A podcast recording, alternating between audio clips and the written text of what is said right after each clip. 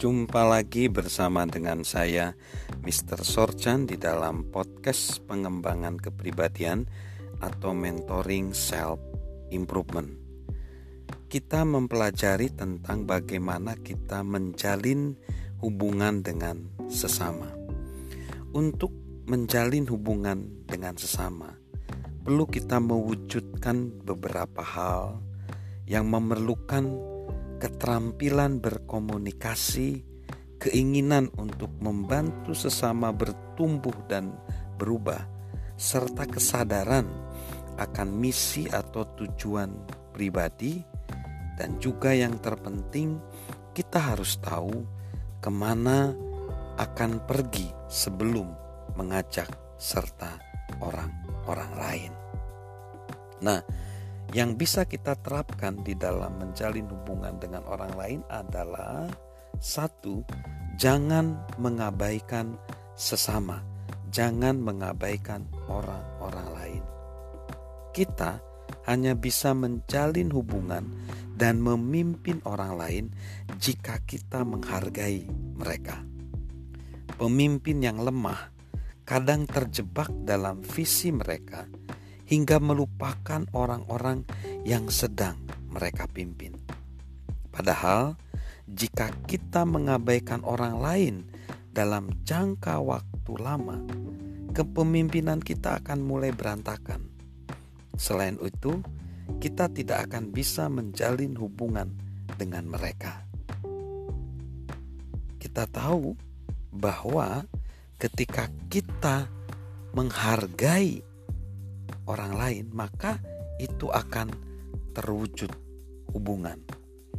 Seseorang bernama Bill McCartney, yaitu mantan coach rugby Colorado State Buffaloes mengatakan, setiap kali kita meremehkan orang lain, kita menyaksikan karya Tuhan dalam diri mereka. Kita tidak akan pernah terlalu sering, terlalu keras, atau terlalu terbuka memberitahu orang lain betapa kita mengasihi mereka. Yang kedua, milikilah pola pikir yang membuat perbedaan. Jika kita ingin mencapai sesuatu yang besar dan sungguh ingin mewujudkannya, milikilah sikap buatlah perbedaan jika kita tidak yakin kita membuat perbedaan, itulah percisnya yang akan terjadi. Bagaimana kita bisa mengasah pola pikir yang membuat perbedaan? Percayalah bahwa kita dapat membuat perbedaan. Setiap orang di muka bumi ini, termasuk diri kita sendiri, mampu membuat perbedaan namun, kita hanya bisa melakukan jika kita percaya diri dan bersedia memberi diri kita bagi orang lain.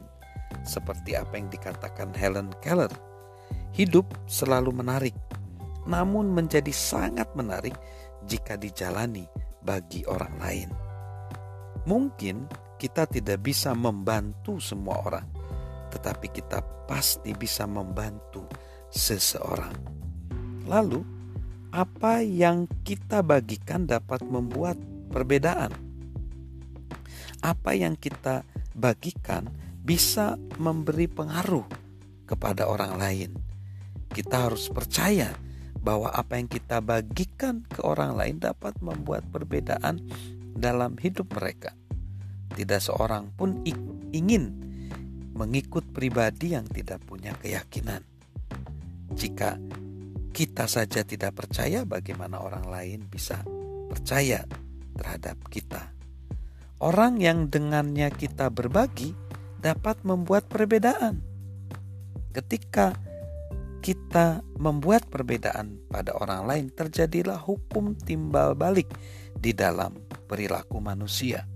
Hukum ini menyatakan kita selalu membalas perlakuan orang lain dengan sikap yang sama.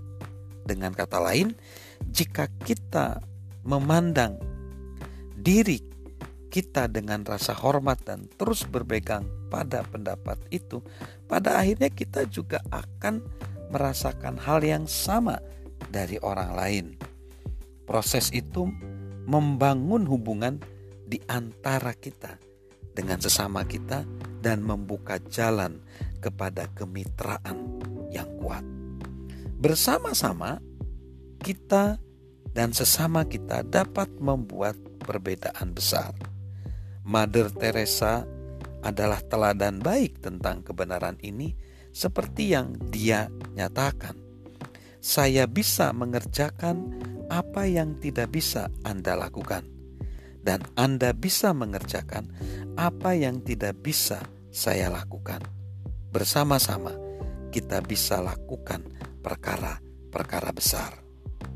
Hasil yang kita capai sendirian tentu tidak dapat menyamai hasil yang kita raih ketika bekerja sama dengan orang lain.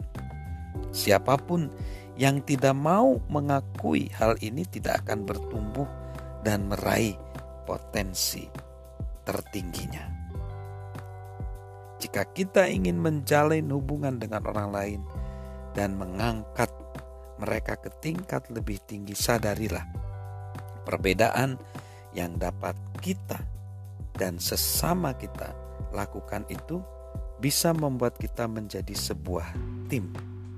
Dan akuilah itu di setiap kesempatan. Salam sukses luar biasa dari saya, Mr. Sorchan.